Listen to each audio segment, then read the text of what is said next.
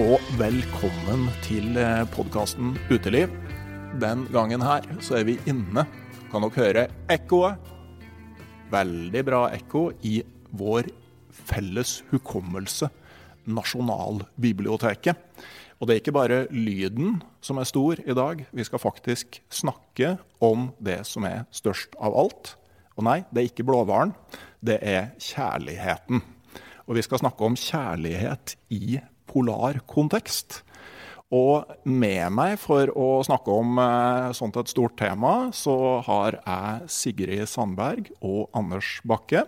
Sigrid er jo en kjenning for dere her i podkasten Uteliv. Har vært med og snakka om mørket før.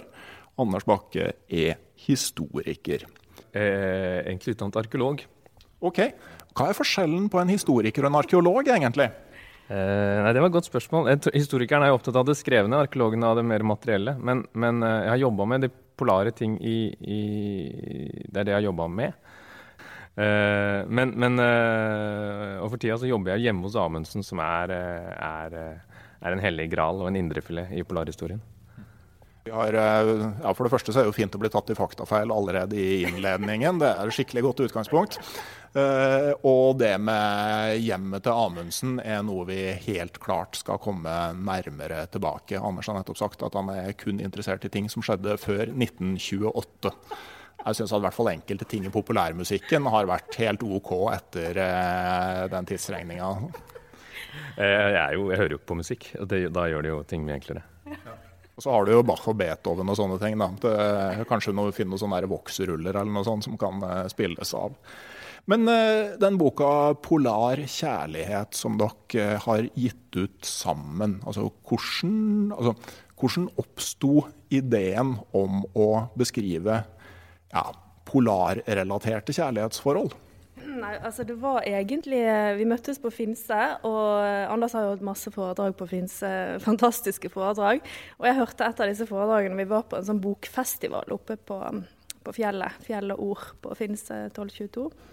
Eh, og så holdt da Anders et forrykende, heidundrende foredrag om polarkjærlighet. Eh, altså polare, noen polare kjærlighetshistorier.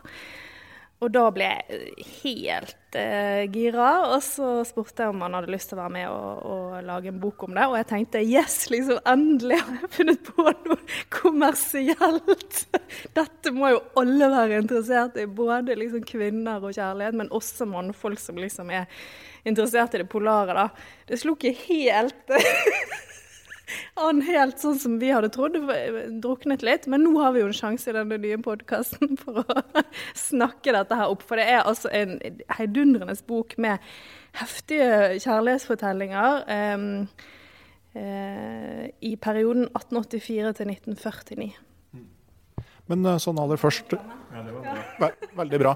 Men sånn i, i, kjærlighetens navn, kan dere sette dere litt nærmere meg, så jeg ikke blir så forferdelig sliten i armen? Ensom, ja. Men, eh, men, hvorfor er det viktig med en bok om polare kjærlighetsforhold?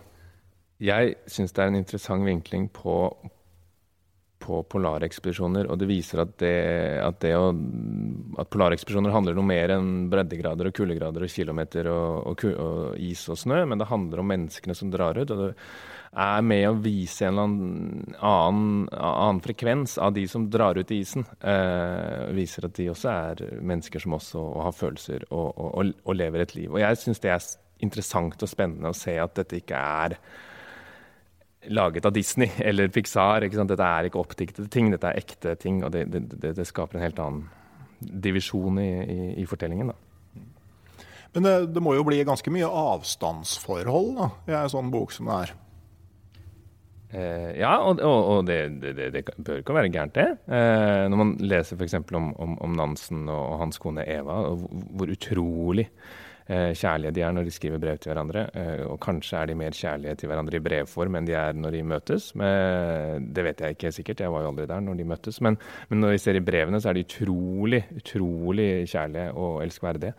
Eh, så, så, det må ikke være negativt at, at, eh, to stykker som liker hverandre, er fra hverandre. Eh, det kanskje klarte vi å bevise i denne det, boka. Det fins jo mange dikt om den slags. Mm. sånn dette her med 'Noe forsvinner når du er nær'. Dette kaller jeg kjærleik. Jeg veit ikke hva det er. Nå husket jeg ikke resten av diktet. Men altså, det er et eller annet med og på en måte den lengselen da, som blir enorm. Og så er det også noe med dette her landskapet og, og dette her iskalde og røffe og vinden. Eh, som på en måte kler av folk litt. da, eh, Og at du kommer liksom nærmere. nærmere. Du kan ikke, kan ikke gjemme deg bak så mange fasader og sånn. da, Så jeg mener at det, at det gjør noe med folk å være i sånne, sånne strøk. da, Og det prøver vi også på en måte å, å få litt frem. da. Men sånn, eh, nå har vi jo begynt å snakke om Nansen, og, dere skriver jo om både folk som er godt kjent offentlig fra før, og folk som kanskje ikke er riktig så godt offentlig kjent fra før. men Fridtjof Nansen og Eva Sars, er det riktig uttalelse? Eller Sars? Det er jo et, et eh, som dere sier, et lidenskapelig og, og interessant par. Altså, eh, hva slags opplevelse har dere av dem? Det blir en tolkning av et ekteskap eh, 100 år etter. Eh, eh, opp, jeg opplever vel de at det er to stykker som eh, er dypt, dypt, dypt forelsket eh, i hverandre. Og så gjør det nok noe med dette ekteskapet at Fridtjof Nansen drar ut uh, isen med Fram og er ute i tre år. Og, og den usikkerheten uh, som er fra starten av på dette prosjektet, der folk tror at dette, dette kommer aldri levende hjem fra, både fra han og hennes del, er nok med å prege dette ekteskapet i ettertid. Og så drar jo Nansen eh, med diplomatiske og politiske oppgaver etterpå, så han blir jo liksom mye større enn en, en, en polarmann. Eh, og, og, og, er mye mer ute enn hjemme. Eh, så avstand preger nok det ekteskapet mellom de to, og, og han er jo ikke der når hun tar sitt siste pust en gang når hun dør. Eh, så det, det, det, preges nok av mye følelser. Og, og, det er klart at Nansen er en brukket mann når hun, når hun dør, og, og, stenger seg inne en, en god stund. Eh, Men det vi konsentrerer oss om, er jo da eh, denne her avskjeden når han drar nordover Fram. Og, um, og, den brevvekslingen mellom de, da. Og det må jeg jo si at det er jo noe av det aller, aller vakreste jeg har lest. Ja, altså, de, de, skriver jo brev til hverandre hele tiden. sant? Og fra hver havn som eh, Nansen kommer i land oppover norskekysten, så sender han nye brev, og det ligger en bunke med brev og venter på han fra Eva. Uh, og de formuleringene og det poetiske som liksom utspiller seg altså Det er jo stor litteratur. Altså det er jo, Og det er sant, liksom. sant? Uh, så vi har jo brukt når vi har holdt foredrag om dette, så har vi jo brukt noen av brevene. Da?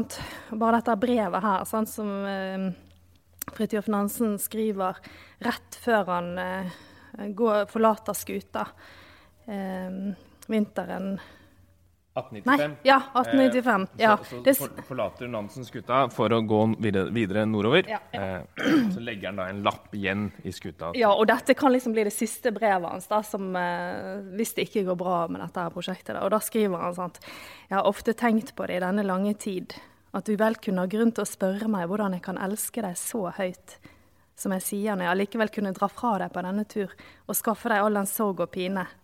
Ja, jeg spør meg ofte selv derom, og jeg skjønner det ikke riktig. Men like fullt kunne jeg ikke annet. Det var som en makt jeg selv ikke rådet for, dro meg inn. Det var en drift sterkere enn meg selv. Og der har vi òg litt av liksom hele sånn poenget med dette her polarkjærlighet. Altså det, det, er jo kjærlighet mellom mennesker, men det er også en sånn dragning mot nord og altså det nordligste og det sørligste punktene. Som et sånt begjær og en sånn lidenskap som på en måte kan minne om kjærlighet mellom mennesker. Da, sant? Og, og Nansen skriver her sant? Altså, dette er òg sterkere enn han selv. Da. Selv om den kjærligheten det er, var enormt sterk, så er også den driften ut og opp er også så enorm. da. Og det tror jeg også man liksom kan kjenne igjen i all, kanskje i all type friluftsliv. sant? Altså Mannfolk og kvinnfolk for den slags skyld, som godt kan elske konene sine og mennene sine og barna sine, men allikevel må må ut i skogen, eller må ut på Finnmarksvidda, som du, Randulf. Altså, det er noe med, er noe med naturen og de, liksom den eh, kraften og den dragningen eh, vi har mot den. da. Ja, for Det er jo en sånn uh, ordtak, i hvert fall i nordre Canada, uh, på, på, nynorsk, da, at uh, 'the one who enters the northern lands will leave his bones there'. Så har du først dratt til nord, så, blir du der, eh, altså, så har du den dragninga helt til du dør. og det så vidt jeg vet, for, for, de norske fangstmennene så var det vel altså Vi har jo sånn inntrykk at de som dro på overvintringsfangst i ishavet, at alle gjorde det år etter år. Men de fleste gjorde det vel bare én gang. Mm. Men, eh, men, de som gjorde det mer enn én gang, hadde en tendens til å gjøre det veldig, veldig veldig mange ganger. Så liksom det å bli bitt av den polarbasillen, det er vel noe av det kanskje Nansen beskriver på et langt mer poetisk vis der. Man ser i kilden at av de som drar på polarekspedisjoner på 1800-1900-tallet, de, de, det er veldig mange av de som drar på flere ekspedisjoner, men så er det også noen som bare er innom, og så drar de aldri ut igjen. Og, og de er jo også interessante å se, for det er greit at dette blir en levevei for mange, men, men for noen så er dette ett eventyr, og så aldri mer, og fått nok. Og for noen så var dette et forferdelig tid i isen. Eh, så, så, det er jo ikke noe som passer alle. Eh, men for noen så, så, er dette der de legger en sjela, eller beina. Mm. Det ser du jo faktisk i dag òg. Altså, for eh, ja, en drøy uke siden så var jeg på Jan Mayen. Og du ser jo av de som har en sånn halvårskontingent der ute, så er det ganske mange som har vært på Hopen og Bjørnøya og eh, liksom har tatt eh, runden. Og det er jo på en måte det nærmeste kanskje du kommer i dag, da. Men jeg husker at i boka om Henry Rudi, isbjørnkongen fra Tromsø, så skrev han jo om at det absolutt verste på fangst, det var å ha med nygifte mannfolk. Det, det var et mareritt, for de var så kvinnfolksjuke at uh, det var liksom helt umulig å forholde seg til. Eneste som hjalp, var å sette dem i knallhardt arbeid fra tidlig morgen til sein kveld, sånn at de sovna uten å tenke. Nygifte mannfolk er jo ikke bra uansett hvor du har dem, kanskje. Uh, så ja, sett dem i arbeid. Ja, det er et glimrende tips generelt. Men også, selv om Nansen skriver det her, da, så sier han jo også dette som vi har som åpningssitat i boka, da, og som eh, Anders også har eh, gifteringen sin. Ja, nygifte mannfolk. Kjærligheten er den sterkeste makt i vår tilværelse, sier han. Eh, og det er jo på en måte Det er ganske tøft og sterkt det for å si av en mann som, som har vært så mye, så mye ute som, eh, som han har vært. da. Det skal jo sies også at uh, en, kudos til der vi sitter. altså Disse brevene til Nansen og Eva de, de er jo oppbevart her på Nasjonalbiblioteket. og når vi fikk, fikk disse fram fra privatarkivet, og du blir sittende her med det brevet som Nansen satt i sin lugar og skrev om bord på fram, og så sitter du her med det mellom hendene. Da får du frysninger eh, oppover langs. Eh, og, og, eh, så det er jo en, sånn spesiell Jeg syns i hvert fall det er en utrolig spesiell kraft når man plutselig sitter der med, med primærlitteraturen og med liksom Nansens eh, signatur i, i hånda. Uh, så det er å anbefale for alle som har ledig en hverdag. Uh, ta dere en tur hit og bestill opp Nansens brev. Ja, jeg har ikke sett Nansens brev. altså For min del så er det mer Ringstad her jobba med, men å sitte og bla igjennom altså, kvitteringer fra handelsposter og brevveksling med, med foreldrene og altså, det, Ja, det, jeg får jo frysninger på ryggen bare å høre deg fortelle om det. Og det, det, er noe på en måte sånn magi med fortida som trer fram. Men samtidig så sitter dere jo da og leser kjærlighetsbrevene til Nansen. Og det var jo aldri ment for deres øyne. Ja, det er et interessant spørsmål. Mm. Jeg tror jo at han er allerede en såpass uh, kjent mann at han vet meget godt, og det tror jeg alle på, uh, som hadde en posisjon på den tiden, visste at uh, det de skrev i dagbøkene sine, det de skrev i brev, kom til å, å bli kjent, og at de derfor også, også, hadde Jeg tror de hadde sånt, så dette her litt utenfra også, mens de, mens de skrev. Det gjorde til og med jeg da jeg var liten og skrev dagbok. Så tenkte jeg liksom at jeg kan ikke bare skrive liksom sånn at hvis noen leser det, så må det må være bra, liksom. Skrevet. Tenkte ikke du det når du skrev dagbok, eh, Anders, når du var liten? Eh, jeg skrev heldigvis ikke dagbok, så du finner ikke noe fra min ungdomstid. Eh, men jeg gleder meg til du deponerer din samling til Nasjonalbiblioteket. Men, men, det er helt sant, og det, man kommer inn i en eller annen etisk problemstilling her. Eh, fordi man sitter, med, eh, man sitter kanskje med materiale som den som skrev det, ikke ønsket at offentligheten skulle kjenne til. Altså, eh, jeg har sittet og bladd gjennom dagbøker som har vært klausulert i 90 år, og så får man lov til å åpne de, og så ser man at eh, her står det veldig private ting. Eh, og da kommer man jo i den klinsjen om er man, hva er det man egentlig er, og hvorfor gjør man dette? Og man kan jo, sånn som jeg tenkte i dette prosjektet her, er er jo at man er jo med å, å, å, å legge en ny brikke inn i historien. Eh, og kanskje er med på å, presentere en mer fullverdig historie, på en måte. Eh, og vise en annen et bilde av ekteskapet mellom Fridtjof og Eva som, som, kanskje ikke har vært opplyst i den grad, og kan, som kanskje er med å gi folk en, en, en, en, mer fullverdig oppfatning av deres forhold. Um, og så setter man det inn i en kontekst med andre historier. Så uh, alt dette gravearbeidet kan være viktig hvis man bruker det korrekt, uh, og ikke jobber som en, Se og Hør-journalist for å skape de store overskriftene og skandalene, men heller er med på å, å, å pakke sammen en ellers fragmentert presentert historie. Ja, vi har jo hatt, masse, har jo hatt en del sånne uh, diskusjoner i forbindelse med dette prosjektet i flere av disse kapitlene, hvor vi har funnet materiale som Eh, som, eh, som, er virkelig Kunne virkelig liksom slått beina under de fleste. Men som vi også eh, i mange Ja, jeg har valgt å ikke bruke, da. Og jeg er jo utdannet journalist, jeg, og det, jeg vet jo at det pågår en stor debatt nå i, i liksom faglitterære forfatterkretser, og, og dette med etikk i, i sakprosaen og etikk mellom permene. Og, og, for meg er det helt sånn opplagt at jeg, at jeg syns at vi skal forholde oss til de samme reglene som journalister journalister gjør. Eh, så jeg får, når jeg skriver, så forholder jeg meg til Vær varsom-plakaten og den eh, ganske strenge etikken som egentlig er, ligger der. da. Uh, og hele tiden er det spørsmålet som Anders sier, hvorfor gjør vi det her? Hva, hvilken hensikt har det her å ta med historien? Er det nødvendig? Vil det skade noen? hvem vil det skade?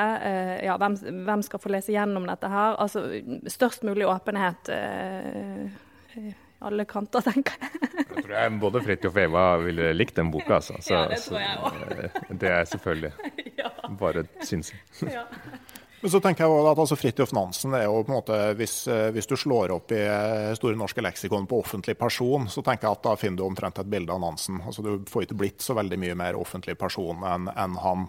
Og at at for en så viktig person i historien, også på en måte som politiker og sånn etter de store ekspedisjonene, så er jo nesten kan jo nesten alt sies å være interessant, for du vet ikke på en måte hva annet det griper inn. Altså Nansens eventuelle kjærlighetsforhold som ambassadør i, i, London kan være politikk.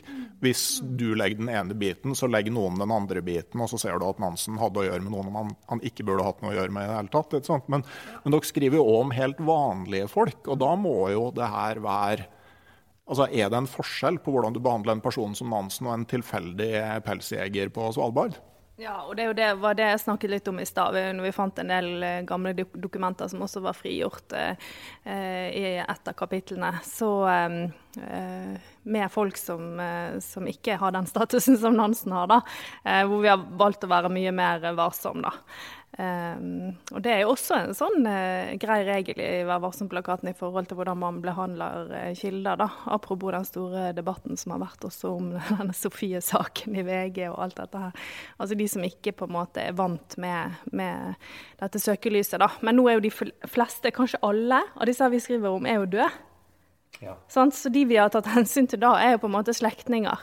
Eh, eventuelt eh, gjenlevende enkeltslektninger. Ja. ja, men det er viktig det også, for alle har en forskjellig eh, inngang til historien. Eh, en slektning har en helt annet forhold til en, en, en bestefar. En, for oss er dette en historisk person, men for dem så er det et, familiemedlem. Og, og, det skal man jo respektere. Eh, så, så, så det, er, det, er, jo en litt sånn balansegang. Men tilbake til Eva og Fridtjof. Altså for at Samlivet deres altså det gjenspeila jo ikke på en måte inderligheten i brevene når de kom sammen igjen. Men det, altså det er jo litt sånn der men sånn, Når du får et sånn avstandsforhold, så kan du jo på en måte idyllisere ting. og, Spesielt sånn i en sånn tilfelle hvor du egentlig ikke kjenner personen du er forelska i, så kan du jo tillegge dem alle gode egenskaper i hele verden. Men altså, er det litt en sånn prosess som skjer her? altså sånn de bygger opp en sånn lengsel et bilde av hverandre i løpet av tre år, og så kommer de tilbake, og så var det ikke helt sånn det var? Kanskje. Jeg var ikke der akkurat da de møtes, eh, så det skal jeg ikke uttale meg noe om. Men man, man, det er jo en følelse man, man kjenner igjen. Når man sitter hjemme og tenker på at man skulle vært på tur, så husker man bare godværsdagene på en måte, og hvor fint det var ute, selv, eh, selv om turen egentlig var dårlig. Og Sånn kan det jo være med, med, med kjærestene man sitter og tenker på også, at man, man savner de gode sidene, og så glemmer man eh, de tingene man egentlig irriterer seg over. Så, så, så helt klart. og det, det og det er klart at den turen til Nansen over Polhavet var med å påvirke deres ekteskap. Eh, men eh, jeg, jeg, skulle gjerne vært en flue på veggen, eh, men det var jeg da ikke i 1896, da de møttes igjen. Nei, så Vi driver jo ikke noen sånn analyse av kjærlighetsforhold i denne boken, egentlig. Men det vi har gjort her, er at vi måtte ha klippet ut eh, et eh, avsnitt av deres historie eh, i form av denne brevvekslingen som de hadde når han la ut på denne ferden. Og det er et ufattelig vakkert utdrag, syns jeg. da. Poetisk og, og fint. Ja, så er det meningen at det skulle være en presentasjon av deres historie, ikke vår analyse. At, at, at, at leseren selv kan kunne liksom, føle at de er en del av den lille reisen langs norskekysten mens Fram eh, er på vei nordover. Eh, og så kan man analysere og tenke det sjøl. Absolutt. Og vi har jo ikke noe heller i de andre kapitlene hvor vi på en måte evaluerer eller dømmer eller eh, noen av disse forholdene. Så vi skriver jo historiene med de kildene vi har, og på en måte prøver å lage en, lage en fortelling, men, men uten å, å, synse noe som helst om, om de var dumme eller dårlige forhold, eller ja. ja men, samtidig, sånn, når, jeg, når jeg leste historien om Eva og Fridtjof, så var det sånn, litt sånn uh, melankolsk tanke eller sånn, når du leser avslutninga. Altså, det var jo trist at han måtte til London, at de glei fra hverandre. Og så leser jeg boka til Karin Berg om Nansen og hans kvinner, og så tenker jeg at det var jo på en måte ikke bare det at de sånn er litt sånn ufrivillig glei fra hverandre. Altså sånn, derfor får jeg inntrykk av at Nansen var en ganske sånn uhelbredelig skjørtejeger. At, altså, han til og med sånn drev og data andre damer da Eva lå syk etter å ha født deres sønn. Og jeg tenker sånn, Hvis du skal fornedre kona di, så må jo det være en av de verste måtene å gjøre det på. Eh, ja, det får, eh, eh, det får Karin Berg eh, svare på, kanskje. Eh, det som står i hennes bok. Men, men eh, det er helt sant. Nansen, Nansen, hadde jo mange kjærester. sant? Og det, det, han var en av de som var, var heldige og hadde det på mange måter. Altså miksa han det kanskje litt voldsomt i perioder. Men hva var spørsmålet?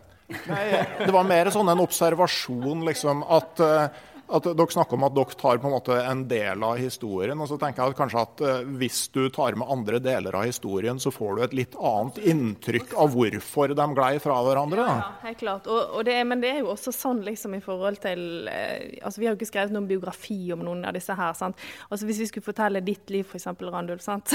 det, det, er jo en sånn da, da, må man liksom bruke mye mer tid. altså Da er det det som er prosjektet. sant? Her er det, Hvor mange historier er det? Åtte? Åtte kjærlighetshistorier. Eh, et kapittel hver. Og da er det på en måte en del av historien i noen sitt liv, da. Eh, F.eks. disse to danskene som sitter på en, eh, en bitte liten hytte på, på, Grønland og prøver å overleve. Så er det jo bare akkurat den tiden de var der. Det er verken før eller etterpå. Um, så det er, det er, utsnitt og utdrag av, av folk liv, og det er jo det som er på en måte litteratur. Da. Altså, sånn, du vil jo aldri, Og det er jo tekst, det er ord, liksom. Du vil aldri kunne fange virkeligheten sånn som den er, vel verken i sin fulle helhet eller noe som helst. Men det er forsøk, da. Det er forsøk på å skildre, skildre noen epoker og, og noen historier, da. Og Med tanke på Nansen og Eva, så har det vært skrevet masse om dem. ikke sant? Karin Berg som skrev om eh, Nansens kjærester. Eh, og det har vært skrevet om eh, nakenbildene han sendte til Brenda Ulland. Det har vært skrevet biografier om han i, fra han, ikke sant? bøttevis. Eh, så, så, det trenger ikke, eh, trenger ikke, en ny sånn i bokhylla, i hvert fall ikke skrevet av oss. selv om det, eh, men, men, kanskje kunne deres brevveksling under framferden være et bidrag inn i, i dette prosjektet. Og det syns vi passet ganske godt. Mm. Ja, nei, Mitt poeng var på en måte bare at når du, eh, når du, har et så stort historisk materiale, så blir jo litt altså hva du velger å presentere og hvordan du velger å presentere det, det, det får jo ganske sånn stor innvirkning på hvordan du oppfatter det. Absolutt. Altså, det er sånn, det som er sant, veldig stor forskjell Sant? For vi har vi Nansen som på en måte har det, ikke problemet, men der er det det som er saken. på en måte, At det er så overveldende ufattelig ufattelig mye materiale. Men så har vi andre kapitler her hvor vi bare sliter med å liksom finne noe som helst av skriftlig materiale.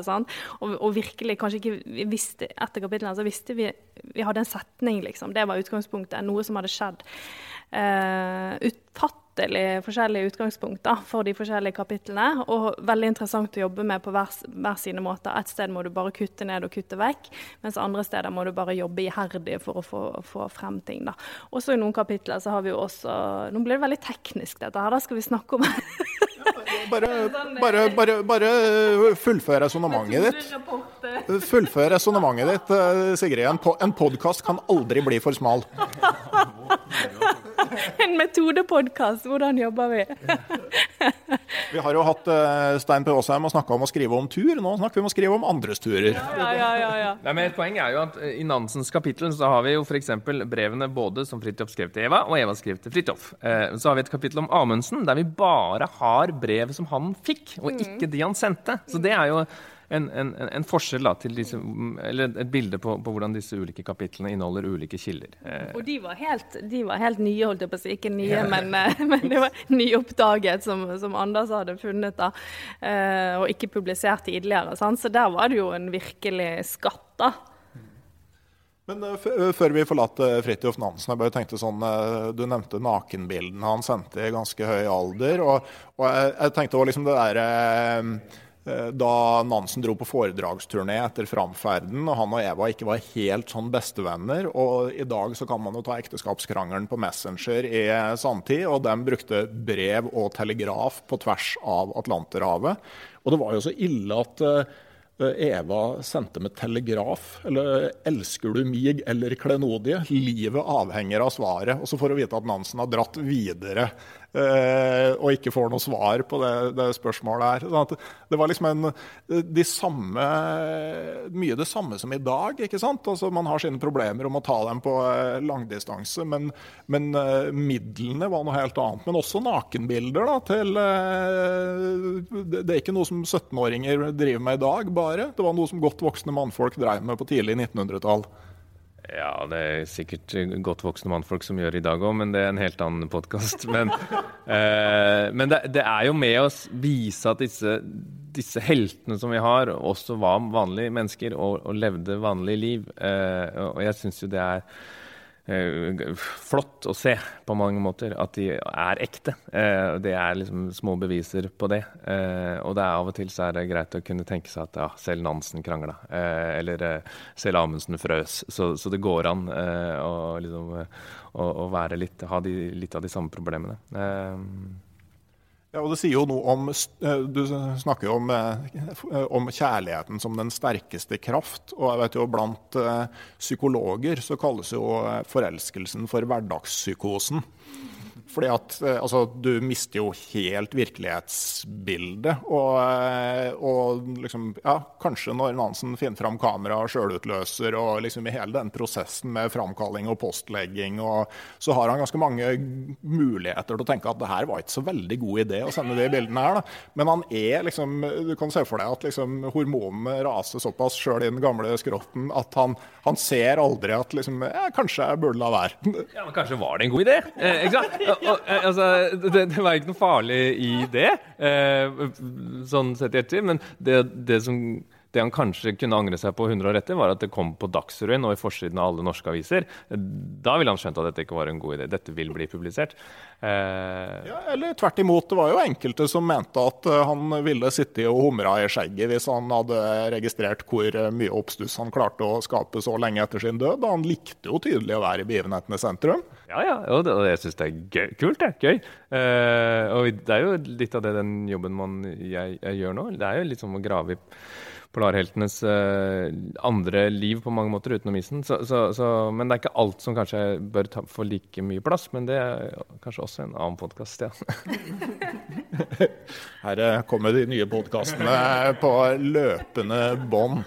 Men uh, vi, uh, vi, var jo så vidt altså Du jobber jo med Roald Amundsen. og altså, er, er har du noe måte, inntrykk av personlighetene til Amundsen og Nansen sånn på privaten? Altså for at, uh, altså, Amundsen gifta seg jo aldri, annet. Altså, er, er, det noen forskjell på det?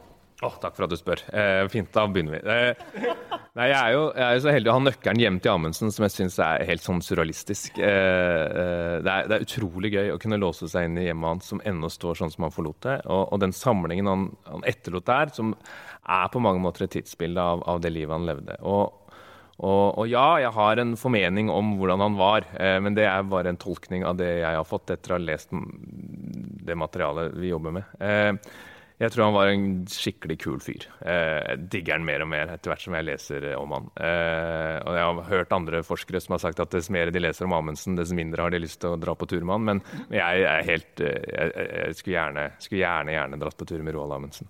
han giftet seg aldri, han var nære på, men forsvant når hans siste kjæreste kom til Norge for å bli boende hos han.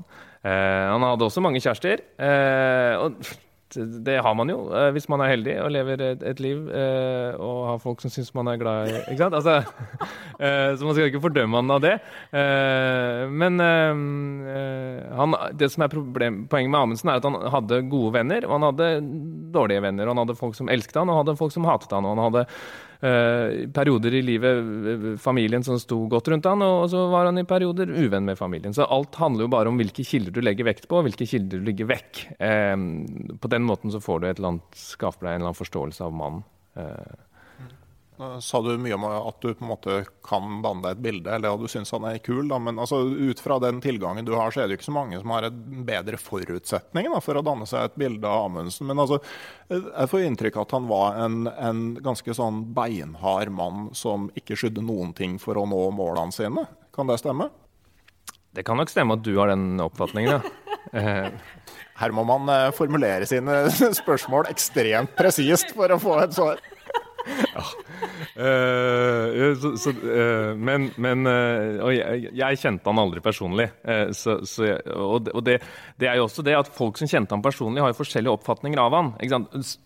Spør du en kjæreste, så får du nok en helt annen forklaring på han enn hvis du spør en ekskjæreste. Eh, og sånn er det med sånn alle oss. Ja, sant? Sånn er det jo med oss òg. Altså, og vi har forskjellige sider, og vi bruker forskjellige sider og til forskjellige ting vi vil oppnå eller ikke oppnå. Eller.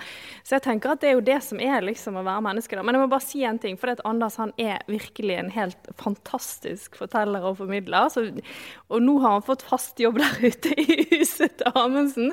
Så hvis dere får sjansen i sommer, det er åpent i sommer, hvis dere får sjansen å dra ut til Svartskogdag og høre Anders på en omvisning, så er det bare sånn wow, altså. Han kan så mye, og det er helt utrolig gøy å høre på. Dette programmet er sponset. Eh, ja, men det er, det er, et fantastisk artig sted. fordi at Du tralter rundt på de samme teppene, og, og senga ligger ferdig oppdrett, og skittentøykurven står på badet, og man kommer seg virkelig liksom inn, i, inn på innsida av det livet som Amundsen på mange måter også strevde med å holde skjult. Han hadde jo løsbart og briller og reiste under andre navn og reiste inkognito og var veldig god på å være privat når han kunne være privat, og, og være offentlig når han måtte være det. Eh, men nå ser man jo i ettertid at man må kanskje inn i det livet for å, for å prøve å, å, å, finne kilder som kan være med og f.eks. fargelegge inntrykket du har fått, da, hvis du mener at han var en en, en, en, leder som skydde alle andre for å nå sine mål. Eh. Men tilbake til kjærlighetshistorien. altså Den som vi har med i boka, da, det er jo liksom en av de første, kanskje, kjærlighetshistoriene til Amundsen. Men det var altså noen brev som en jente skrev til han, men som Amundsen tok vare på hele sitt liv. Og da, Han var ganske liten da han fikk de brevene? Ja, Han var sånn 12-13 år. Og det, det, er så spesielt, fordi at han får disse da mens han er i tenårene. Og så sparer han på dem eh, helt fram til han kjøper dette huset ved Bunnefjorden i Svartskog i 1908. Så han sparer på dem i nesten 20 år. Og så tar han vare på dem der helt til han da dør. Kanskje er det fordi han glemmer dem, ikke visste at de ligger i en kasse, flyttekasse, og så bare blir de liggende. Men de ligger da i dag, blir funnet i en liten svart portemonee i en lommebok, og det er bare de brevene som ligger der. Så, så de er jo skilt ut ut og lagt der eh, av en grunn. Eh, og, og, selv ikke slektningene til, til, denne jenta visste jo at hun hadde hatt et forhold med Amundsen. Eh, men brevene ligger der jo, eh, og, og, er et bevis på, på noe. En historie som kanskje Amundsen ville bevare. Eller... det er jo også noe av det som er så kult der ute på Svartskog, at det er på en måte er, det er jo ikke noe museum, men det er jo sånn som man faktisk hadde det. sant? Det er jo ingenting som alt er bare blir stående akkurat. Skrivebordet står der det sto, senga står der den sto. Altså alt er sånn som det var, da. Det er ikke noe sånn rangert og med fancy lyskastere og, og, arrangert for museumsformål, liksom. Skramlet sammen alt man fant, og så prøve å sette det opp sånn som er sannsynlig. Men det, altså, det er faktisk sånn det sto, da. Ja, for I og med at, altså, at Amundsen forsvant i en flyulykke, så hadde han jo, altså, hvis han hadde dødd sakte og lenge, så kunne han jo iscenesatt uh, det her. Men, men, det er jo òg virkelig en lykke at uh, ingen begynte å rydde opp da han uh, døde. Ja, nå vet jo ingen hvordan Amundsen døde. det er det første. og vi vet ikke når, vi vet ikke hvordan, vi vet ikke hvor, på mange måter heller ikke hvorfor. Eh, det kan jo være at han dro til Mexico og levde der eh, sammen med Elvis og Diana og den gjengen der. Eh, jeg tviholder på den teorien. Alf, Alf Prøysen òg. Ja, ja. Helt til jeg får støttemidler og får lov til å dra til Mexico. nei, også, Det er så mye mystikk rundt Amundsen, og det da å kunne få lov til å låse seg inn til han og, og, og, og grave i madrassen hans og se at jøss Senest i sist uke så putta jeg hånden nedunder sofaen og fant ei blikkboks fra Sydpolsekspedisjonen som har falt ut i en eller annen lomme og blitt trøkket ned i sofaputtene. Så, så det er, det er, veldig mye som ikke er funnet fram om disse historiske personene. Og vi er i startgropa ennå, selv om det er over 100 år siden både han og Nansen og disse, disse personene var ute i isen. Så eh, det, det, det, er bare å rydde bokhylla, for det skal skrives masse nye polare bøker framover. Jeg tenkte jo liksom da Tor Boman Larsen kom med boka om Roald Amundsen, at nå har vi på en måte liksom, Det er omtrent så langt som man kommer. For min del, altså hvis det var ei norsk bok jeg skulle ønske det var jeg som hadde skrevet, så tror jeg den kommer veldig høyt på lista. Men så er det jo interessant da, å høre at altså, nå er det masse nytt kildemateriale som kommer, og kanskje må den nå skrives helt om? da? Det, eh, Boman Larsen gjorde et fantastisk arbeid, og, han, og, boken hans er god, men det er Boman Larsen sin oppfatning av kildene. Det, det, sånn er det med alle andre bøk, eh, for fortellinger. Eh, nå har det kommet en del nye brikker inn i hele dette spillet, og man kan vende de samtidig som man kan vende de nye gamle. Og så kan man se om man får et nytt, nytt motiv eller en ny, ny, historie om Amundsen. Og kanskje er ikke alt like eh, revolusjonerende, men, men, men, det er veldig mange nye historier og ting rundt om Amundsen som er, er spennende, og, og, i denne æraen her som, som, som er gøy. Eh, så og En av de tingene er jo at man liksom har en mulighet til å dykke litt ned i kjærligheten f.eks. Uh, og se litt på det menneskelige sida, og, og, vise at det ikke bare handler om ekspedisjoner, men det handler om, om mennesker. Men Amundsen fikk da ingen etterkommere, i motsetning til Nansen? Ikke som vi vet om, nei. Eh, eh, det har vært mange som har hevdet å være barna av Amundsen. Selv i hans tid så måtte han ut og dementere og si at eh, nei, du, du er ikke du er ikke mm, av min, av min kropp. Eh, og i ettertid så har det vært mange som har hevnet å, å være det. Eh, det var jo en eh, lang periode noen i Gjøhavn som mente de var etterkommere av han. Og så, og så, ble det jo i 2012 tatt en DNA-test av de. Eh, så matcha ikke det. Eh, så, så, så, inntil nå så er det ennå ingen eh, rene etterkommere av Roald Amundsen. Men, men, det nærmeste man kommer da, er barna av brødrene hans. For jeg var jo i Gjøhavn i 2003. Og eh, det var jo veldig spesielt å komme inn dit på ski. Altså det, det er sånn eh, Jeg husker fortsatt den dagen det var litt sånn ruskete vær og snødrev og sånn. Og så kom vi, så vi husene i det fjerne, og akkurat da vi nærma oss, var det et av de få hundespannene som fortsatt er i Gjøhavn, som reiste seg opp og rista av seg snøen. og liksom Wow! Det, og du aner liksom den naturlige havna. Det er jo veldig flatt da, som vinteren, så det er ikke så lett å se. Men liksom bare Oi, her er vi. Og vi hang jo rundt der. Det var jo et kjempehyggelig sted. Vi hang egentlig mest med de australske lærerne eh, som eh, var der, da, men òg med en del av, eh, av, de som bodde der fast. Og da var det så klart en når vi satt og drakk te der en kveld, som sier at, eh, at han er etterkommer etter Amundsen, og vi trekker jo liksom ja ja, det, det sier jo sikkert alle her. Og så tar han fram et bilde av eh, bestefaren sin. Bob?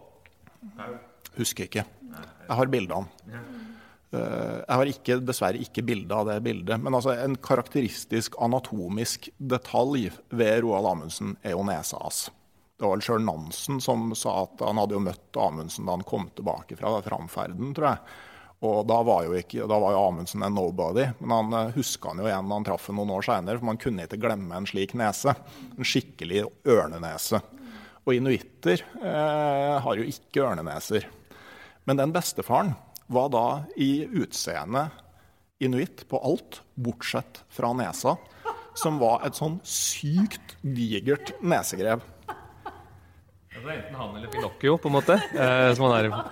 Eh, nei, men det er, det, ble, det, er, det er, han du snakket med som det ble tatt DNA-test av. Og det viste seg ikke være noe match, i hvert fall, med, med med Amundsen-slekta. Eh, det betyr jo ikke at, eh, at han ikke kan eh, være slekt av noen andre. Kanskje noe mannskap, kanskje noen andre polarfarere. Så, så, det er jo bare spennende, det. Og, men det er en sånn slags sannhet som, som var liksom viktig å få dementert. at det, da den nyheten sprakk i 2012, liksom, at, at, at ikke det er barna Amundsen der. Fordi ikke at det har så enorm vitenskapelig verdi, men det er med å liksom fargelegge den historien og oppfatningen man har av en historisk person. Eh, så Eh, men si gjerne ifra hvis det er noen der ute som mener jeg er barn av Amundsen. Man er meget uh, interessert. Amundsen hadde jo stor nese. Da han var i Japan, så fikk han til og med et hyldningsdikt i sine japanske aviser for sin store ørnenese. Ja. Så, og da han reiste inkognito, så var det med løsbriller og, nei, bart og løsbriller, men liksom nesa dekket han aldri til. Så, så, det er utrolig at han klarte å gjemme seg unna med, den, med den nesa. Det sies da han ble født, så sto tantene rundt mora hans for å se om han kom ut med en stor ørnenese. Uh, men, uh, så det er greit han han ble kjent. Men så var det noe jeg festa meg ved i boka til eh, Tor Boman Larsen. Det var fra rundt 1905 i Johan at det kom inn en inuittgutt som hadde syfilissår over hele kroppen. Og eh, kunne fortelle at hele familien hadde det samme, og at det var bestemora som hadde vært med en av de eh, engelske sjøfolkene. Og da ble det gitt ganske sånn streng beskjed om at tett samkvem med lokalbefolkningen måtte opphøre herifra. Og det tenker jeg altså, eh, slo meg altså, det der med syfilis, når du kom inn i det med litt sånn utsvevende kjærlighetsliv før penicillinens tid, det må ha vært en enorm sånn frykt for maken til sykdom. Altså. Altså, dere, det, det, er jo sikkert sånne ting som man kanskje ikke skriver så veldig mye om hvis man finner. Eh, det er klart det. Når kommer hjem, kommer hjem til kona med syfilis, så er det jo lett å bli avslørt, på en måte. Eh, men det er helt klart det. altså. Det må ha vært en ha vært en veldig en vanskelig situasjon. Det der, og, Det jo det er eksempler på flere polarekspedisjoner der, der mannfolk har sagt at de drar på jakt, men så har de glemt å ta med våpen. og Da er det ganske avslørende om hva de egentlig skal jakte på. Eh, så, så det har vi jo ikke nevnt. Eh, syflis uh, Men det er sikkert Vi syns jo det er mer enn nok med, med han her Perry, vi da. Robert Perry og det han holdt på med. Så og han liker vi jo veldig dårlig pga. det, egentlig. Så vi prøver å unngå de verste, de verste historiene. Dette skal jo formidles til, til uh, forskjellige biblioteksdamer uh, og pensjonister, så vi må jo passe oss litt. Ok, Selvsensur er det. Jeg husker jeg, husker. Men, vi, vi, men, men det, det, handler jo egentlig ikke så mye om det. da. Det handler ikke mye om selvsensur, men det handler jo om de historiene. altså... Ja, det er litt sånn som så Anders sa i sted. Skal vi ta liksom denne Se og Hør-vinkelen, eller skal vi prøve å fortelle en, en uh, ordentlig fortelling? Og det er ikke alltid at det der er liksom så interessant allikevel, tenker jeg da. Nei. Men sånn I en litterær kontekst husker jeg André Bjerke skrev en sånn, samla en sånn uh, samling med skrekknoveller. Blant annet av han, uh, pardon my French, uh, Guy de Maupassant. Ganske sånn kjent fransk forfatter. Som var enormt produktiv og i starten av karrieren sin skrev mest sånn landlige fortellinger fra Normandie og litt fra fransk-tysk krig og sånne ting. Og så fikk han jo syfilis. Og den eh, gikk jo videre sannsynligvis til det stadiet hvor det begynte å gå på hjernen, hvor du da blir ko-ko. Og akkurat i det sånn tvisten hvor han er i ferd med å bli gal, men fortsatt er nok til stede til å forstå hva som skjer, så begynner han å skrive sånne eksistensielle skrekknoveller i stedet. Som er sånn, som er sånn helt uh, nitrogen nedover ryggraden. Altså hvor sjølve på en måte verden begynner å, å snu seg på hodet. Sånn at, uh, altså, sånn LSD-rusaktig skriving, kanskje? Han dreiv litt med sånne ting. Han, så, ja, så, han døde på asyl i en alder av noen og 40 år. Da. Det. Det er en godnatta-story. Jeg må lese for barna hjemme. Liksom. Selsomt selskap, tror jeg den heter. Den der samlinga sto i bokhylla eh, hjemme. Jeg vet ikke om det var meninga at jeg skulle plukke den med da jeg gjorde det, men, eh, men eh, det var i hvert fall liksom, Guy de livshistorie etter min hukommelse og André Bjerkes framstilling. Men det har jeg jo da lært at det var jo bare André Bjerkes forståelse av hans livshistorie. Så vi kan jo ikke si noe om hvordan det egentlig var. Var, var, var det bra? Det var veldig godt. Nå var du god. Du begynner å kunne dette nå. Ja. Vi kan si noe, men vi må ta alle forbehold, så ingen kan ta oss på noen ting. Eh, men uh, vi nevnte jo to danske menn som satt alene i en hytte på Grønland. Det var jo en fryktelig søt historie. Iver Iversen og Einar Mikkelsen som, som drar av gårde for å søke etter eh, en dansk ekspedisjon som noen år eh, tidligere hadde forsvunnet på Nord-Grønland, den Danmarksekspedisjonen. Eh, og året er rundt 1910. Eh, og, og, og, så drar de av gårde eh, med skuta. Eh, de drar, går på land, og når de kommer tilbake til skuta, så viser det seg at skuta er skrudd ned, og resten av mannskapet har klart å komme seg hjem igjen på egen hånd. Så der står Iver Iversen og Einar Mikkelsen i Nord-Grønland.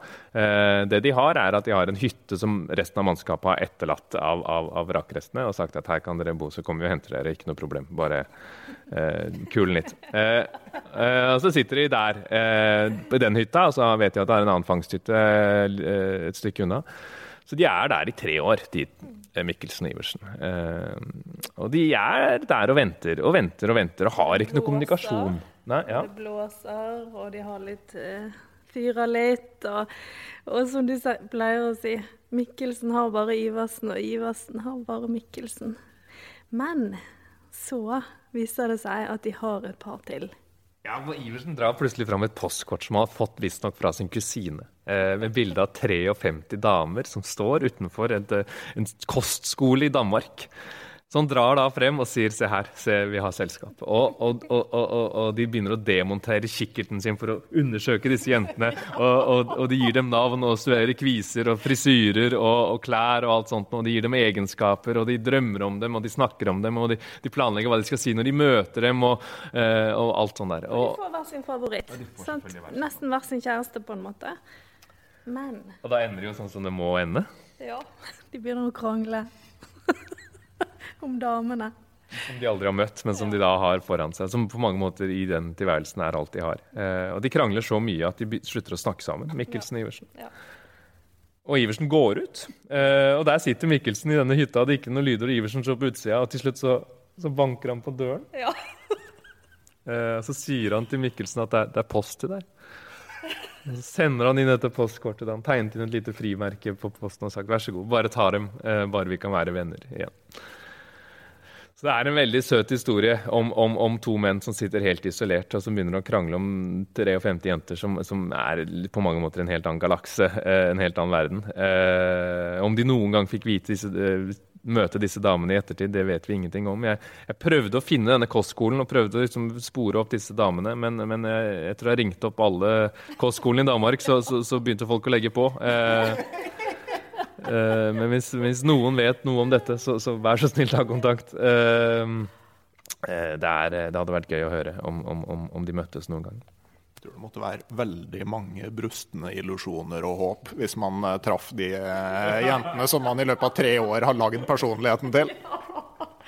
Ja, det hadde vært uh, ja, det, er, det, er, veldig sånn det, det, det, er et herlig tidsbilde på en eller annen situasjon som kanskje mange kan kjenne seg igjen i. Ikke så ekstremt, i hvert fall, men det er at man sitter og drømmer og, og, og tenker, og det går ut i det ekstreme, at, at det, går så vilt at man begynner å krangle og bli uvenner der man sitter.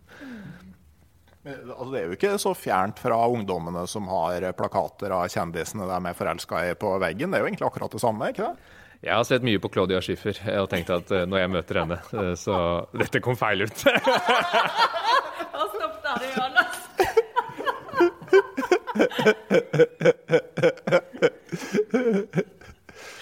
Ja, men det, det, er sunt å ha drømmer, ikke sant? Det... Jeg har ikke sett mye på Claudia Schiffer. Det vet jeg ikke.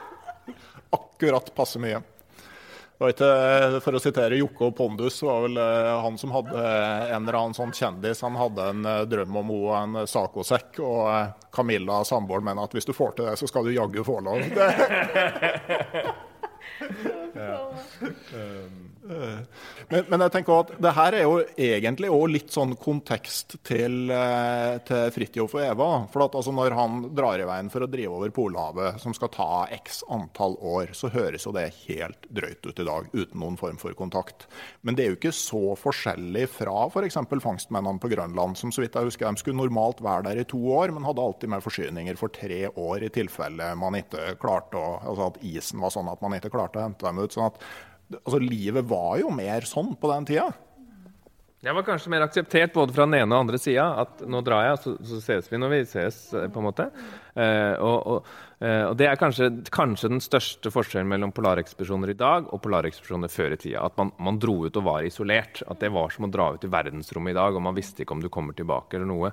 Eh, det, er en veldig viktig dimensjon i det hele. At, at vi ses når vi kommer hjem, og det kan være tre-fire år til. I dag så følger du ekspedisjoner på Facebook og er veldig veldig nær dem hele tida. De veit at får de problemer, så kan man som oftest bli henta ut, eh, eller få mer mat, eller en ekstra vått, eller hva det nå skal være.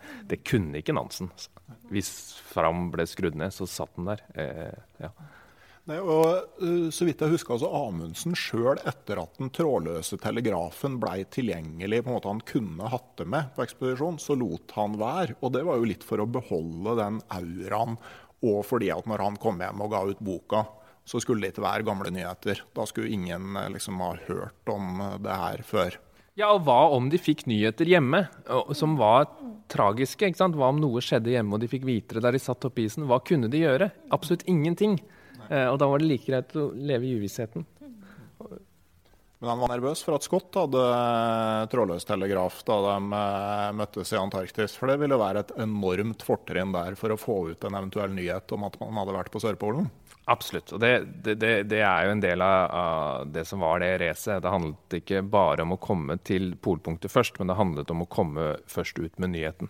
Eh, og det er en setning som senere har blitt redigert bort av Scotts dagbok. At når han, I de offisielle beretningene som kommer ut, så står det at Scott skrev at nå uh, håper vi klarer å komme oss uh, hjem, på en måte. Men egentlig så sto det håper vi kommer, klarer å komme oss hjem med nyheten, eller nå gjelder det å komme med nyheten først. Så, så det, er, det, det, var en veldig viktig faktor, det der, at, at nå gjelder det å komme seg til pressefolka og avisene. Sånn at vi får blåst ut dette til resten av verden. Ja, og Scott og hans fru er jo et viktig kapittel i boka deres. Men dere har vel kalt det på en måte en kunstner. Og hennes polar, eller sånn, Der er liksom vinklingen. Det er kunstneren som uh, fant seg en polarhelt. ja, Han var vel ikke polarhelt når hun fant han, men, men, hun var med og gjorde han til det. da. Um, så der har vi uh, valgt uh, å ha Katalins ser det litt fra hennes side, eller har hun som, nesten som, eh, som, hovedperson. Og det er også fordi at, at, den historien kanskje ikke har vært så kjent. Hvem var egentlig hun? Hvem var kona til Scott? Som, eh, som, eh, og jeg må si at jeg var veldig overrasket, og jeg syns det var en helt utrolig fascinerende historie at hun var så tøff og frigjort som hun var, da. Eh, og egentlig var det vel hun også som oppmuntret han, og sendte han og ba han om å, å, å bli leder for denne ekspedisjonen. Eh, og levde sitt liv og reiste og var vagabond og, og kunstner og, og eh, hun var jo trist når han dro, men, men hun hadde nå sine ting å gjøre, hun òg. Eh, så det er jo en, kvinneskikkelse som er ganske annerledes enn en f.eks. kona til eh, Robert Perry, da, som, som, ikke gjør noe annet enn å bare lengte og, og ønske han tilbake. da. Um, så er jo Kathleen en, en, meget selvstendig kvinne som, på den tiden som er utrolig fascinerende å følge. da. Og så mottar hun jo det, kanskje det tristeste kjærlighetsbrevet som noen gang er skrevet ja, i hele historien. Ja. Og det er også det vi på en måte kanskje også dreier historien litt rundt. da.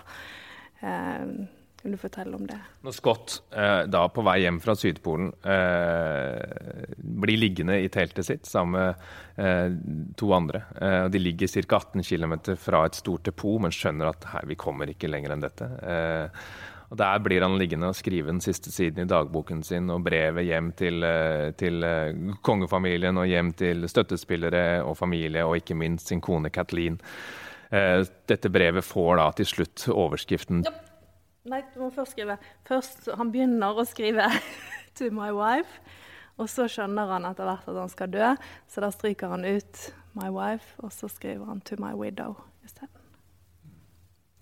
Det er et brev du bare skriver én gang. Ja. Nei, men det er jo akkurat det. ikke sant? Eh, det er optimismen. Og når man leser det brevet, så, så, så, er det skrevet over flere dager. Så det er en slags optimisme i starten. Han skriver om at nå går det bra, vi skal klare oss, vi kommer oss hjem. Og så dør førstemann, og så dør andremann. Og slutten på brevet er, er rett og slett en, en siste hilsen. Eh, det er, fem eller seks sider. Eh, vi var heldige å få lov til å, lese original, originalbrevet som ligger i Cambridge. Eh, og Der ligger også et lite kakestykke av bryllupskaka deres som eh, er gjemt, eh, ble funnet i en jakkelomme. Eh, så, så, det, eh, med kremen er der ennå. Så, så det, er, det, finnes mange sånne fine, fine skatter fra deres ekteskap. Men når det gjelder det brevet, da, for å komme tilbake til det vi snakka om tidligere, at private brev er ikke nødvendigvis skrevet bare for å være private. altså, altså man kan jo si en del ting om Scott som ekspedisjonsleder, men som, måte, som historieforteller eh, så eh, klarte han jo på en måte å ja, reise seg fra de døde og, og, slå tilbake. Så han må jo eh, jeg tenker at det her må jo ha vært et brev som slett ikke bare var til kona. Altså, det, her, det, det her var en dramatisering til hele verden. Han gjør alt han skal for at denne historien blir så perfekt. Sånn, sånn, det er nesten for god til å være sann. Den, den, den historien om, om, Skotten er så tragisk. Eh, eh, og er, når man sitter og leser Scotts dagbok, så, så, så, så, er det jo ikke noe vits å føle synd på seg sjæl. Det er en veldig fin bok å ha med når, når, når man, hvis man er på tur sjæl eh, og ligger i teltet og er litt fysen og litt kald på føttene. Så kan man bare bla opp i Scotts dagbok, og så skjønner man at ah, det, det, det, kunne vært verre. Ja. Eh, så det er mitt, mitt boktips. Eh, så, men, men det, er, det er en eh, en, en, grusom fortelling. Det er, det, er, det er, veldig mye går gærent, og det er lidelse og det er eh, pine. Eh, men de ligger der i ennå, og det er vel kalkulert om at eh, det er 250 eller 300 år, så vil de poppe ut. Og da gjelder det å stå der i Rosshavet og vente på at, at, de, at de, kommer. Det skal jeg i hvert fall. om 250-300 år, ja. Det, det, er jo bra. Men nei, for at altså Jeg ser jo at dere har brukt boka til min nesten navnebror, sir Randolph Finnes, eh, på litteraturlista. Jeg har heller lest Roland Huntford. Og du får jo to litt sånn forskjellige bilder av eh, Scott i de to bøkene. Og jeg tenker sånn eh, det, det, er en enorm forskjell på uh, Scott og Amundsen og på de to beretningene fra de to turene som ja, i enkelte tilfeller ikke var så veldig mange kilometer fra hverandre. Ja, og, og verken Huntford eller Fines eller du eller meg eller Sigrid var jo der på mange måter. Så, så man, man, skal være forsiktig med å, å prøve å få beskrive hvordan det var for både verken Scott eller både Scott og Amundsen. Eh, og, og, noen bøker har vært kritisert for at de har vært for mye for positive til Amundsen og for negative til Scott, og så er det senere som har vært veldig positive til Scott, og så er kanskje sannheten et eller annet sted midt imellom, eller så er den mye mer nyansert enn det man klarer å samle mellom to bind.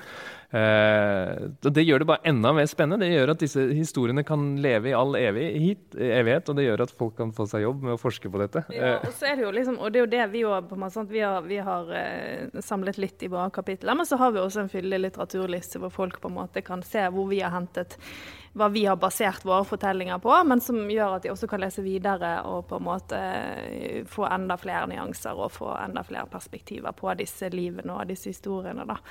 Eh, så det er jo kult med sakprosa, da. så vårt bidrag er bare ja, ett bidrag inn og, og noen puslespillbiter og, og noe i denne her store polare fortellingen. da.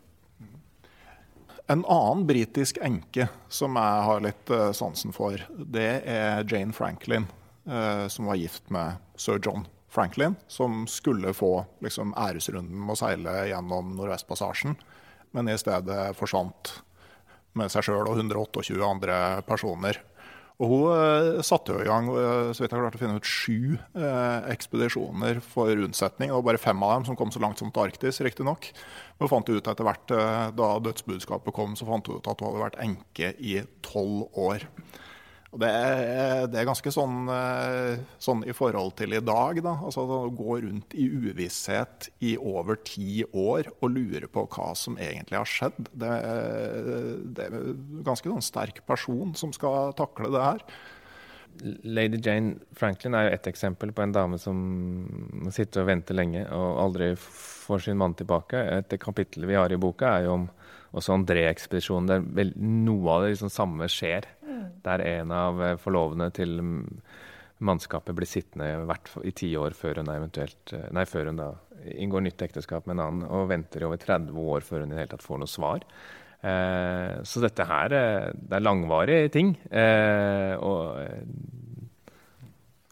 Sånn som Lady Jane, det er liksom den voldsomme handlekraften nå. At liksom bare Sjøl om admiralitetet gir opp og ikke vil sende noen flere unnsetningsekspedisjoner, så stabler hun den ene etter den andre på beina. Og Det som kanskje ikke var riktig så pent, var jo når John Ray etter hvert kom med litt mer sånne håndfaste fortellinger om hva som hadde hendt, inkludert kannibalisme og sånne ting. Så, så engasjerte hun jeg tror Charles Dickens som debattant for å da eh, kjøre en sånn real svertekampanje mot både John Ray og inuittene. Sånn eh, for at liksom for britiske marinefolk spiste vitterlig ikke hverandre. Men det må jo ha vært et enormt antall kjærlighetsforhold å velge mellom i en sånn bok som det her. Altså, har dere på en måte noen sånn favoritt som ikke blei med? Åh, vi har så mange favoritter. Vi har lange lister og både liksom om hvilke vi skulle ha med i denne boka, men også hvis det skulle, skulle bli noe mer. Og så ja, ufattelig mange historier, altså. Virkelig. Ja, ja har jo, det, kjærlighet har jo vært for veldig mange Det er jo en sånn viktig faktor i veldig mange polarekspedisjoner. Eh, så kanskje vi ikke skal avsløre de beste før Vi kan heller si at vi jobber med neste, vi. ja. Vi jobber videre. det, det, gjør dere eh, jo for så vidt helt rett i. Men, men, noe som eh, det da ikke var veldig mye av i boka deres, var jo da kjærlighetsforhold mellom la oss si, europeere og urbefolkning. Uh, og det er, jo, det er jo ganske sånn interessant.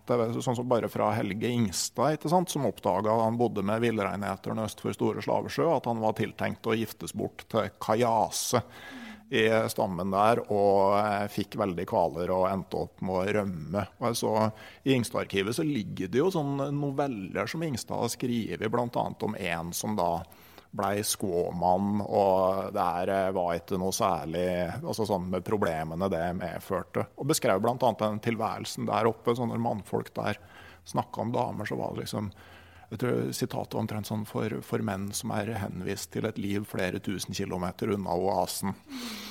Men har dere finnet, har dere funnet noen sånn type forhold? Vi har jo Robert Perry som eh, var mye på Grønland og eh, forelsket seg i denne unge Alekasina. Sina. da var han dessverre allerede gift, så dette fordømmer vi på det sterkeste. I hvert fall ikke anbefale, nei. nei. Um, så Der har vi jo en, en, en beskrivelse av dette her. da. Uh, og så har vi vel også hatt noen flere uh, forhold på listen der det er fra Grønland, tror jeg. Uh, som vi kan snakke om seinere, kanskje. ja, ja. ja, og det, det, det, er klart vi kunne hatt mer av det også, men vi følte liksom det er en sånn element i, i boka som er Eh, det holder med ett kapittel om det, og så kan vi ha et kapittel med, med brevveksling mellom mann og kone. på en måte. Så, ha, så, så, alle disse ulike historiene har jo hver, sitt, hver sin innpakning også. Eh, eh, men det er helt klart at, at når ekspedisjoner dro til steder der det bodde andre mennesker, så skal vi ikke utelukke at, at de møttes på forskjellige måter. Nei, og det, det, er vel ikke helt uten innhold, den der eh, forståelsen at inuitter på en måte eh, mer eller mindre byr fram kona til tilreisende. Jeg tenker i hvert fall Fra et sånn evolusjonært synspunkt med små folkegrupper som bor så isolert, så kan du jo se for deg at overlevelsesevnen over tid ville ha vært mye bedre hos de som av en eller annen grunn hadde en skikk om å slippe inn eh, gener eh, utafra. Ja, og det, jeg, jeg, mener jeg har lest historier om disse lysfestene der man uh, samler en hel landsby i et uh, rom, og så slår man av lyset, og så uh, tar man den man står nærmest. altså På den måten blander genene. om det var med naboen eller, eller bestevennen eller sin egen kone. Det, det, var liksom ikke så nøye.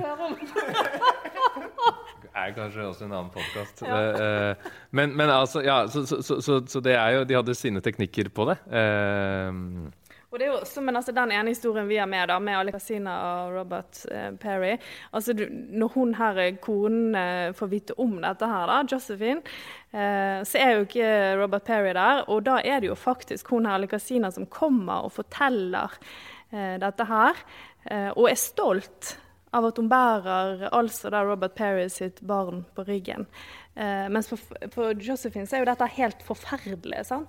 Mens for Ali Casina så er det på en måte en, mer en naturlig ting, da. Uh, som hun forteller som en sånn vennskapelig historie, på en måte. Det er, så det er jo en kulturkrasj av uh, dimensjoner, da. Og det er jo Man kan jo selvfølgelig tenke at vi er dumme i Vesten, og i, at denne sjalusien og dette her, at vi ikke vil dele og sånn, men det er noe som er innebygd i oss meget kraftig viktig, da, som vi må, vi må ta hensyn til. Nei, for Det var Lamundsen som skrev at altså, i enkelte av de inuittstammene så var det jo da overvekt av eh, menn. Eh, kan man jo tenke seg hvordan det har skjedd. Eh, og der var det vanlig at damene hadde flere menn, i stedet for at mennene hadde flere koner. Så det var liksom en praktisk innretning til de rådende forhold når du, når du er en, en liten gruppe. Men jeg ser jo altså, eh, Dere hadde jo årstallsangivelse på denne boka, her, og jeg regner med at det er ganske gode grunner til at man ikke strekker den tematikken her eh, fram til, til dags dato. Eh, da, da, er vi kanskje mer over i Se og Hør-land? Ja, ja, ja, det er jo Som sagt, som jeg innledet med, så er, slutter jo min interesse i 1928. så vi måtte strekke den litt, da. Til 1949. Så alt, jeg tar ikke ansvar for noe etter 1928. Det som er skrevet om, opp til 1949 der, det er Sigrids uh, verk. Jeg snakket akkurat med Jeg var på en sånn uh, forfatterkveld med, med Torgrim Eggen her nå, som har skrevet om Aksel Jensen. Og han sa, så tok vi toget tilbake til byen sammen, og han sa må ikke finne på å skrive om folk som ikke er døde. det blir så veldig mye mer komplisert. Ja, det, det, kan jeg evig se for meg.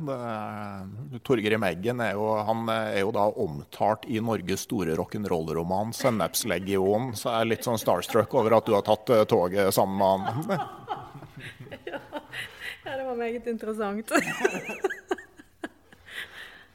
Men jeg tror vi begynner å nærme oss en slutt. Men jeg tenkte bare som en sånn her uh, Det er jo lett når man ser på de historiske personene, nettopp det. Altså, at de blir litt sånn litterære objekter, og at man kanskje glemmer at det er med mennesker av kjøtt og blod. Jeg tenkte jeg skulle gjøre et lite eksperiment her. La oss si at vi skrur tida sånn røftlig 60 år fram. og så skal den første biografien om den store forfatteren Sigrid Sandberg eh, føres i pennen. og Research uh, går ut da på å sjekke litt sånn personer rundt og sånn. Og rett før det kjempestore internasjonale gjennombruddet med sakprosaboka 'Mørke', som blei oversatt til uendelig mange språk, så var det jo da en kjent sak at Sigrid Sandberg skrev for A-magasinet. Og en naturlig ting da for en god researcher ville jo være å sjekke de andre som hadde den jobben på samme tida. og man kom da i kontakt med familien til den litt sånn ubetydelig avdøde villmarksforfatteren Randulf Valle. Og døtrene hadde lest så mye bøker i oppveksten at de faktisk hadde tatt vare på farens boksamling. Og der dukka faktisk Polar kjærlighet opp. Og ikke bare det. Det var en dedikasjon. Den kan du lese, Anders. Og så kan du være forfatter, og så kan du Hvordan tolker man det her? Til Randulf kjærleik er også Viktig. Viktig. Ja, takk for masse opplæring. God hilsen, Sigrid. Nei, masse. Husker du hva du tenkte å skrive, Sigrid? ja, jeg husker det. For jeg hadde tenkt å skrive 'takk for en fin helg' eller noe. Og så, så, tenkte jeg nei, det kan jeg ikke skrive, det blir misopatisk. Vi sto altså på messe en hel helg sammen. og så, Jeg husker også hva du svarte. Og så nei, jeg er i et såpass solid forhold og at det er ikke noe problem. Sa du. Ja. Men 60 år etterpå, når vi begge er døde altså det, det, er et litt sånn, altså Hvis du har en litt sånn ukritisk forfatter som tenker at aha, der har vi det! Jeg er glad ikke mitt navn står på henne her, altså. Dette skal ikke ha noe med å gjøre. Ingenting skal komplisere ditt forhold til Claudia Schiffer, nei.